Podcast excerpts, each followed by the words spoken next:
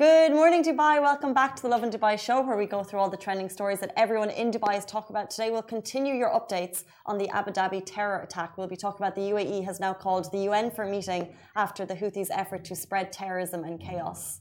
And we'll also be talking about full time employees working overtime in the UAE are entitled to extra pay. On a happier note, we'll be talking about the happiness report, which are the official government service ratings they're in. So we're going to dive into them. And Emirates has suspended passenger flights to nine cities in the USA, so more on that later as well. And do stay tuned because we have the one, the only, the absolutely stunning with the most amazing voice. We have Layla Kardan joining the show. We're going to learn all about her new interesting venue called Papillon, which I've oh. definitely pronounced wrong. Uh, but stay tuned for that. But let's jump into our top stories. We're talking about the Abu Dhabi terror attack. The UAE has now called the UN for a meeting after the Houthis' effort to spread terrorism and chaos. So, as you guys know, at 10 a.m. Uh, on January 17th, 17th UAE time, the Houthi militias targeted the Mussafah ICAD 3 area and also a new construction area of Abu Dhabi airport, both of which are civilian infrastructures. So the attacks, which led to the explosion of three petroleum tanks, killed two Indian civilians and one Pakistani civilian and injured six other civilians, and our thoughts and prayers are with their families. Uh, the Houthis confirmed responsibility for these attacks and since then, we've had many leading powers have raised public support to the UAE, and now the UAE is calling to the UN Security Council for a meeting. So they submitted a letter to Norway, which is the UN Security Council uh, president for the month of January, requesting a meeting of the council to address the Houthi terrorist attack. Uh, the letter condemns the Houthis of targeting the civilians and civilian objects, which is in flagrant violation of international law, and it calls on the council to unequivocally condemn the Houthi attacks with one voice. Um, it reads The UAE strongly condemns the Houthis' tar- targeting of civilians and civilian objects in flagrant violation of the law. Uh, that was said by Lana, who's the permanent representative of the UAE to the UN. And the UAE expresses its condolences, of course, to the families of the deceased and wishes those and all involved a speedy, speedy recovery. Um, it also goes on to say that illegal and alarming escalation is a further step in the Houthis' effort to spread terrorism and chaos in our region. It is another attempt by the Houthis using the capabilities they have unlawfully acquired in the defiance of the UN sanctions to threaten peace and security. Now, the United Arab Emirates calls on the Security Council to speak with one voice and join in firmly and unequivocally uh, condemning those terrorist attacks, which were launched in complete disregard of international law. So um, a lot of just it's really sad. Like our thoughts and prayers, like you said, are out uh, are going out to the families of the deceased, and I think as one as one just international body, we should raise our voice against terrorism in all. 100%. And I think what we're seeing is, and if you follow the government updates on Twitter, one.ae, you'll get all of the updates of so much support flooding in from the US. Um, his Highness Sheikh Mohammed bin Zayed Al Nahyan, Crown Prince of Abu Dhabi, he received a call from Imran Khan, Prime Minister of uh, the Republic of Pakistan, who expressed his condemnation of the of the uh, Houthi attacks, and we're getting that from everywhere: Jordan, France, Greece, the UK, the the US, uh, Israel, India. Everyone is expressing their support. Um, and uh, I think the main thing is just that our thoughts are with the families because there was attacks on civilian areas, and I think that's kind of the bit that can touch home to so many of us. Um, Mussafah is a place that my friends uh, lived in Abu Dhabi when they were teaching there, so I know the area well. Um, so it really is very, very close to home, and it's a very, very scary time. And uh, we know that the UAE is reaching out to the UN um, to basically uh, put a stop to the madness. It's brilliant to see expats, especially in these testing times, sticking with the country, sticking with the leadership, just giving all its support and not taking the time to be like, we're, you know, um, we need your assurance, none of that. It's just them showing their full on support to the government here, which is amazing. 100%. As usual, um, the UAE's expats are just amazing. Now, uh, moving on, full time employees working overtime in the UAE are entitled to extra pay. Now, this is. right so it's a reminder to all of the regulations uh, it's not a new new law that has been re, uh, instated but it's just um, like we're just going to run um, run by it and remind you guys of what exactly you're entitled to. And so you should know your rights as an employee here in the UAE. And according to the federal decree uh, by law number 33 of 2021, Article 19, as stated in the official UAE Gazette number 712, Full-time employees working overtime are entitled to additional pay period. Now, employees can find out if they're eligible for overtime compensation if the employer requires you to work for additional working hours beyond your normal timings, provided that it does not exceed two hours per day. And in all cases, the total working hours shall not exceed 144 hours every three weeks. Now, if you are required to work for more than the normal working hours, the extra time shall be considered overtime, for which the worker shall receive a wage equal to that corresponding of his working hours.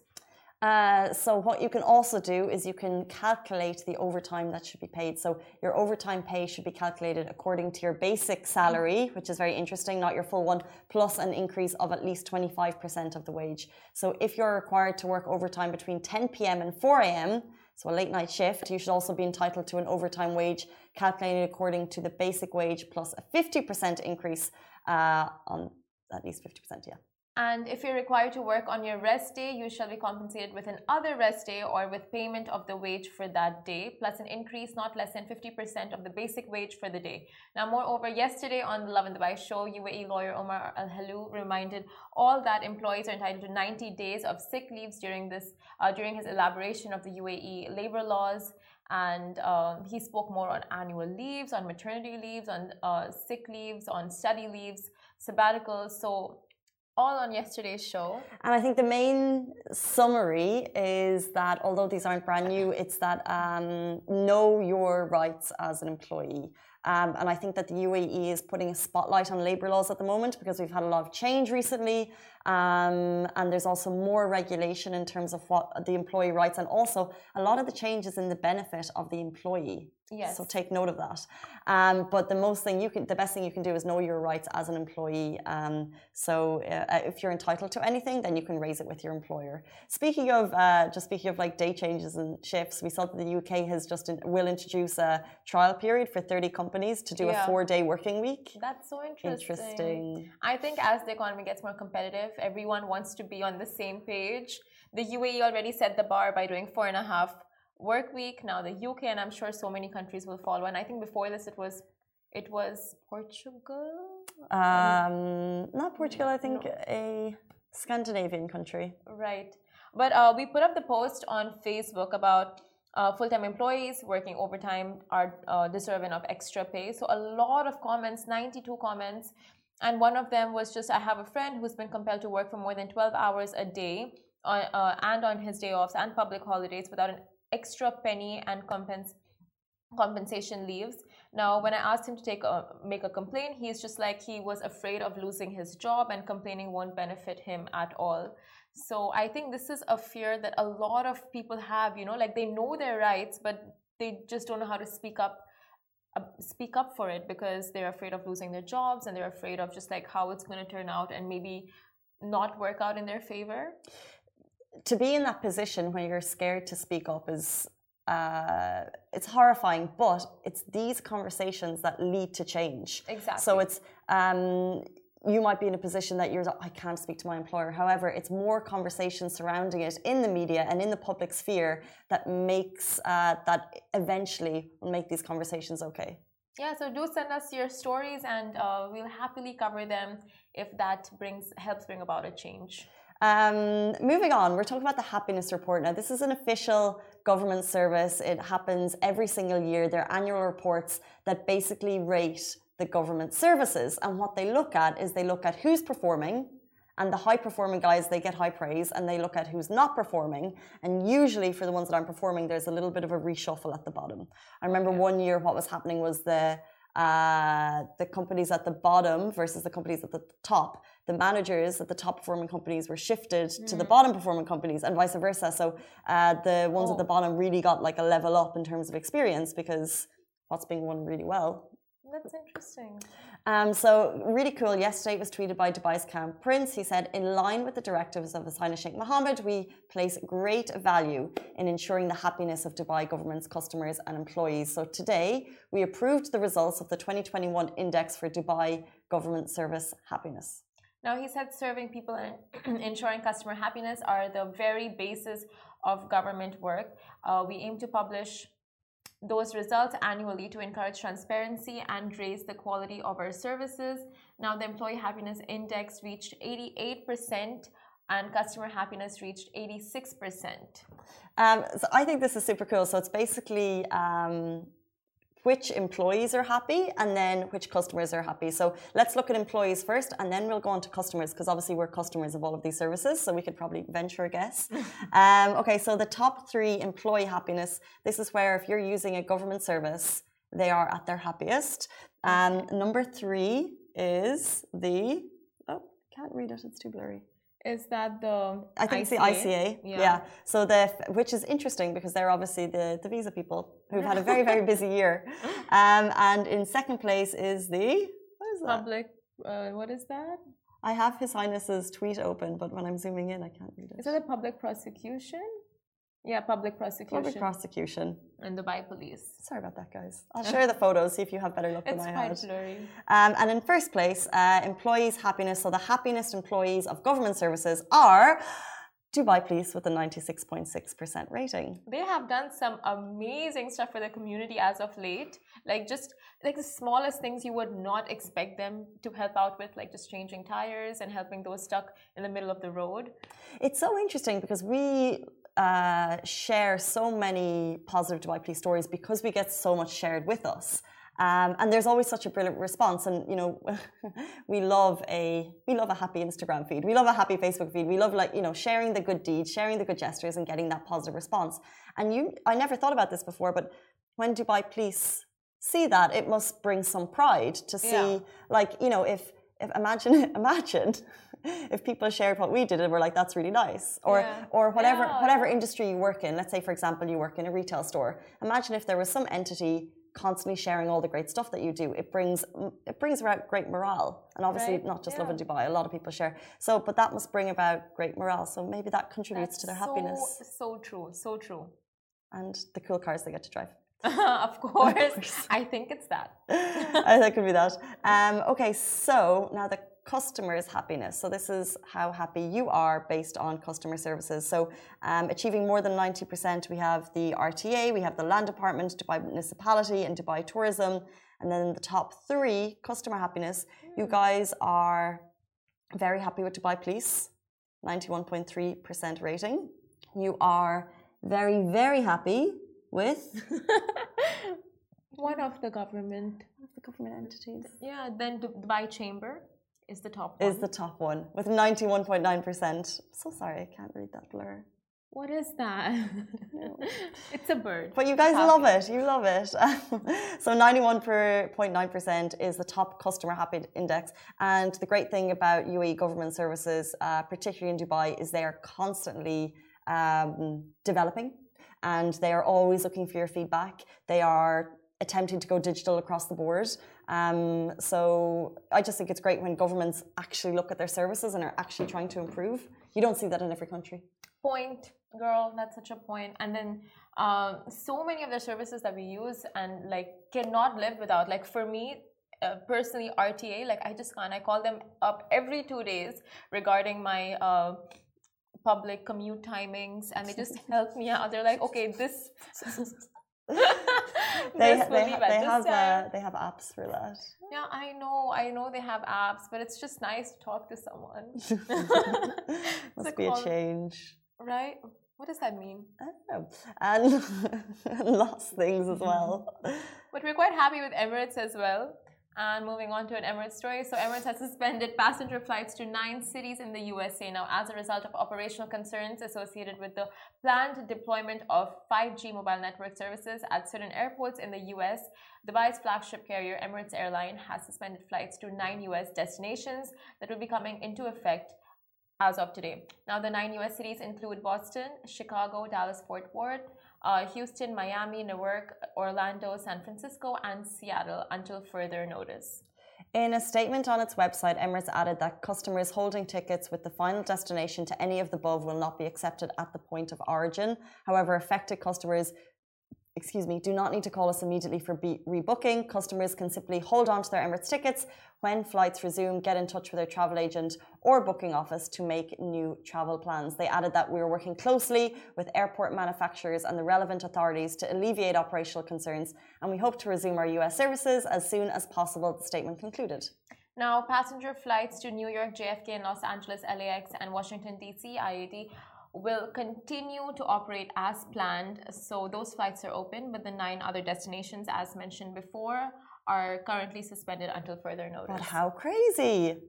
It's confusing to me. It's mind-boggling. Yeah, and it's very. I mean, I feel like it's very last minute. It was this information was released last night, and now it's like it's coming coming into effect as of today. So it's it really I, I hate it when travel plans are so like dodgy up in the air and like just good good phrase up in the air as a result of 5G mobile network services. A, so they're introducing 5G mobile network services, um, which could potentially uh, affect airport uh, the airlines' readings as they fly right, in. Yeah. Interesting, but I think um, I mean, of course, like they've I think they're giving themselves that buffer period to kind of check their system and see how much it can affect, how much can be uh, changed and adapted. But of course, with technology, we adapt. We adapt, we learn, we grow. Exactly. Um, speaking of learning and growing, we're going to be joined by the incredible Layla Kardan, who has just uh, opened her first business venture. She's an incredibly talented artist, artist. We're so excited to have her on the show for the second time. Uh, she'll be with us right after this.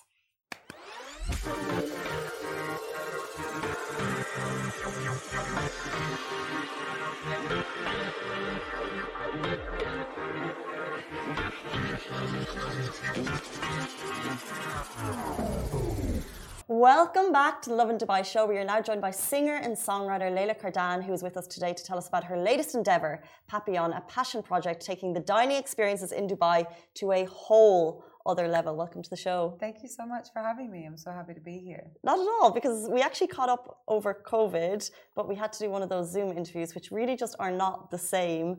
And especially for an artist during COVID, like that must have been tricky, but you've come out like a butterfly. Hence Papillon. Hence Papillon. I mean, I guess like that period really gave me some time to, you know, revisit my strategy on what I was going to do creatively because obviously the performance space was very different for artists and I was so stifled and I wanted to create something beautiful um, and that would diversify what I was doing in terms of my artistic expression and hence Papillon was born. So that was really born out of COVID and born out of uh, you looking to just totally reshape what you do creatively?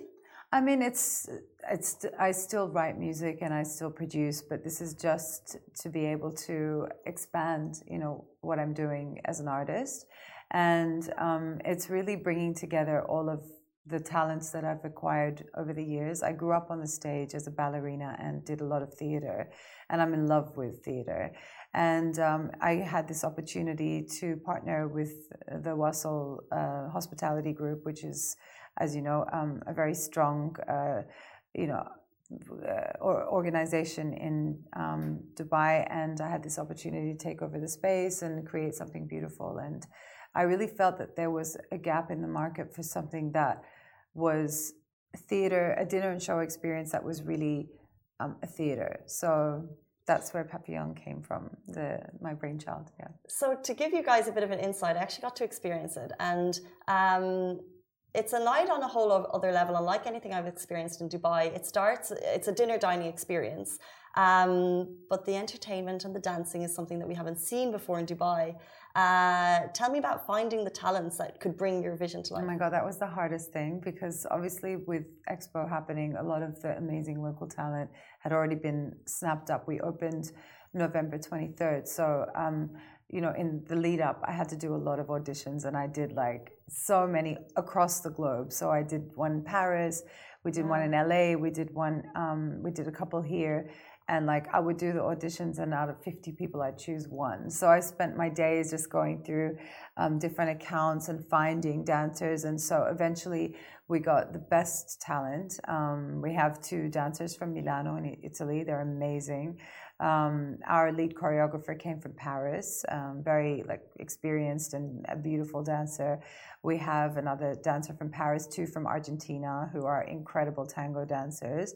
And um, we have a little uh, up and coming Broadway star um, from New York who's unbelievable. She sings, she's a triple threat. So this is amazing. But this is your passion project. And imagine all of these auditions. Would you call yourself a perfectionist and trying to find the right people? I don't think I'm a perfectionist, but I really wanted to make sure that. Um, you know, the talent is everything. And I can say that being on stage that you know you can put together the greatest creative project but if you don't have the right talent it doesn't get executed properly. So uh, you know for me it was really important that we bring the right talent and they're just also incredible people. So it makes the experience of working together the profession level of professionalism much higher. And obviously you know when you see the show they are all so incredible. So yeah and they've all flown in from all over the world, which is incredible. And they must be adjusting to a new city. And I love that because Dubai, we are such a melting pot. Um, one thing that is for sure about the show, um, led by you, it's definitely got a strong feminine focus. Um, even as you walk off the show, you have this like incredible like mic drop moment. You're like, the future is female, and you walk off. It's amazing. Why is that important to you? I think it's important, um, especially in that space, for the expression of women. And then living in the Middle East, or specifically in Dubai or the UAE, you know, there's a lot of progress and change, and I'm always happy to see that. But you know, this show is very much about sensual liberation, um, and it's not about any kind of vulgarity, but it's also it's about expression. And so, um, the show takes you on a journey of of a a feminine journey. I'm not saying that it's you know something that everybody could relate to, but it's a journey of a female where she starts off in a place of like elation and exploration and love, and then she goes to a place of you know hurt and um, shame, and then she comes out strong with her sisters. So when I say the future is female, is because they're coming back strong and and they're rising. But the show isn't like you know only about that. There's also a celebration of the, the, extremely talented men that we have in the show. And I think there's the right balance. But yeah, I mean, I'm Layla, so I'm always pushing that agenda. but it's that. really important to note that our creative director of the show is Denise Faye, who um, was actually the choreographer of movies like Chicago, Burlesque, Nine. She was Cher's tour director for five years. So we have a very strong feminine push, and she's an extremely, like, she's a vet. I mean, she's a Hollywood vet. So mm-hmm. to have someone of her caliber, of her experience, you know, work on the on bringing this show together as well, um, my vision together was like really a, a, huge blessing. We're really grateful to have had her, and you know, we're all strong women, so it was just kind of a natural thing. A natural progression. Mm-hmm. Um, you mentioned progression, and you mentioned change, and we're in the Middle East. Uh, the show it's a little bit racy, of course. it's a, like it's a, it's a it's a cabaret or burlesque, and and is that difficult to get past any kind of any line here to put on a show like that here in Dubai? Well, I'm very obviously um, I've been in this country for many years, and because of my heritage, my Middle Eastern heritage, I understand there are certain traditions and cultural bounds that we don't cross. Everything that I've done is it is racy. I'm not going to lie, but it is also very artistic. So there's no vulgarity. It's not like you're watching something and you think, no, that's, you know, it's an artistic expression. It's very artistic. I'm doing everything within the laws. I am pushing boundaries, but I think it's beautiful. Who is Papillon for? Um, you know, I don't like to say that it's for any one particular person. I think you know what I really wanted to do is offer Dubai an opportunity to have like a dinner and show theater experience that they may not have had before. So I would love everybody to come and experience if they're over 21. Um, but typically, it's for you know the explorative types, the artistic types, and and people who want to actually come and have look. It's a serious dinner and show experience it is fun. We have a great, you know, disco DJ in between who plays like a variety of amazing, mm-hmm. you know, music that you might not hear in other places. Mm, it's not. I would say it's not for like the typical masses. It's not, you know, um, we're we're against the grain. So we're doing stuff that is different to everyone else. But we would love everybody to experience that because we're trying to change that, you know, face is like adding something to the cultural scene here that they may not have experienced before. For you, um, obviously an incredible creative.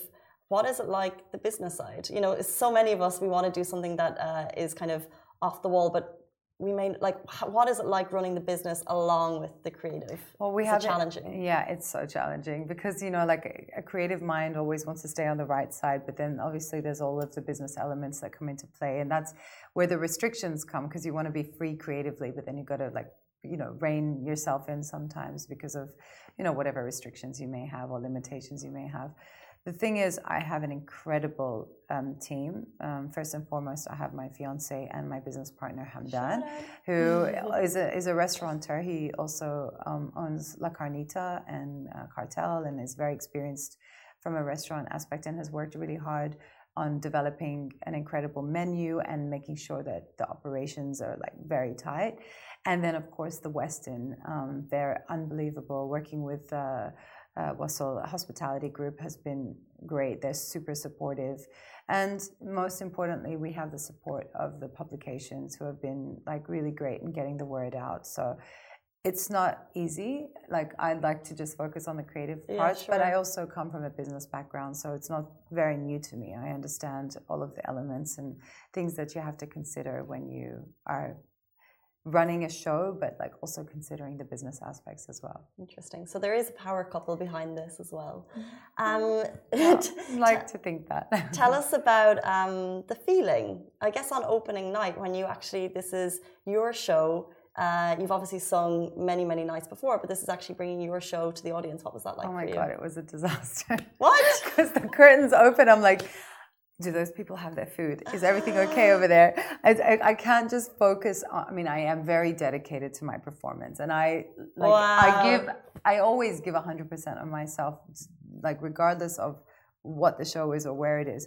But even more so, this is like my baby. So I'm like so invested in every part of it. Every night I sit and I watch every single part with so much love. And, um, yeah, it is a different feeling. Um, but I am very much like, you know, watching everything, making sure everything's okay, everybody's looked after. But generally, everyone is always having a good time, and we have such a gracious, amazing audience. I've never seen that. I've performed almost everywhere in Dubai, and I've never seen such a gracious audience. People are always clapping, so attentive, so you know, grateful, and we love, love, love, love having the audience there. It's so interesting that you're saying you're watching everything because the beauty of it, I think, is that it's a very small, intimate venue mm-hmm. and it feels very special because it's a, not a very big crowd. Um, and what I would agree with you on is that you don't always have a crowd in Dubai that's like up and dancing and clapping. But like, and I'm not an upper dancer clapper, but I was. Yeah, you were. Was, yeah, exactly. I saw I, you. And I was like, and even earlier on in the night, I was like, like, there's such a good atmosphere here, and I loved it. Like, it's a night out like no other. Um, I'd really recommend you go check it out. It's Papillon uh, by the incredible, fabulously, uh, fabulous Layla Kardan. Thank you. You're so, so, so kind. Thank you so much for coming, and you're always welcome. Thank you so much. Um, guys, that's all we have time for today on the Lovin Dubai show. We're back with you every single weekday morning, same time, same place. Stay safe and wash your hands. Bye bye.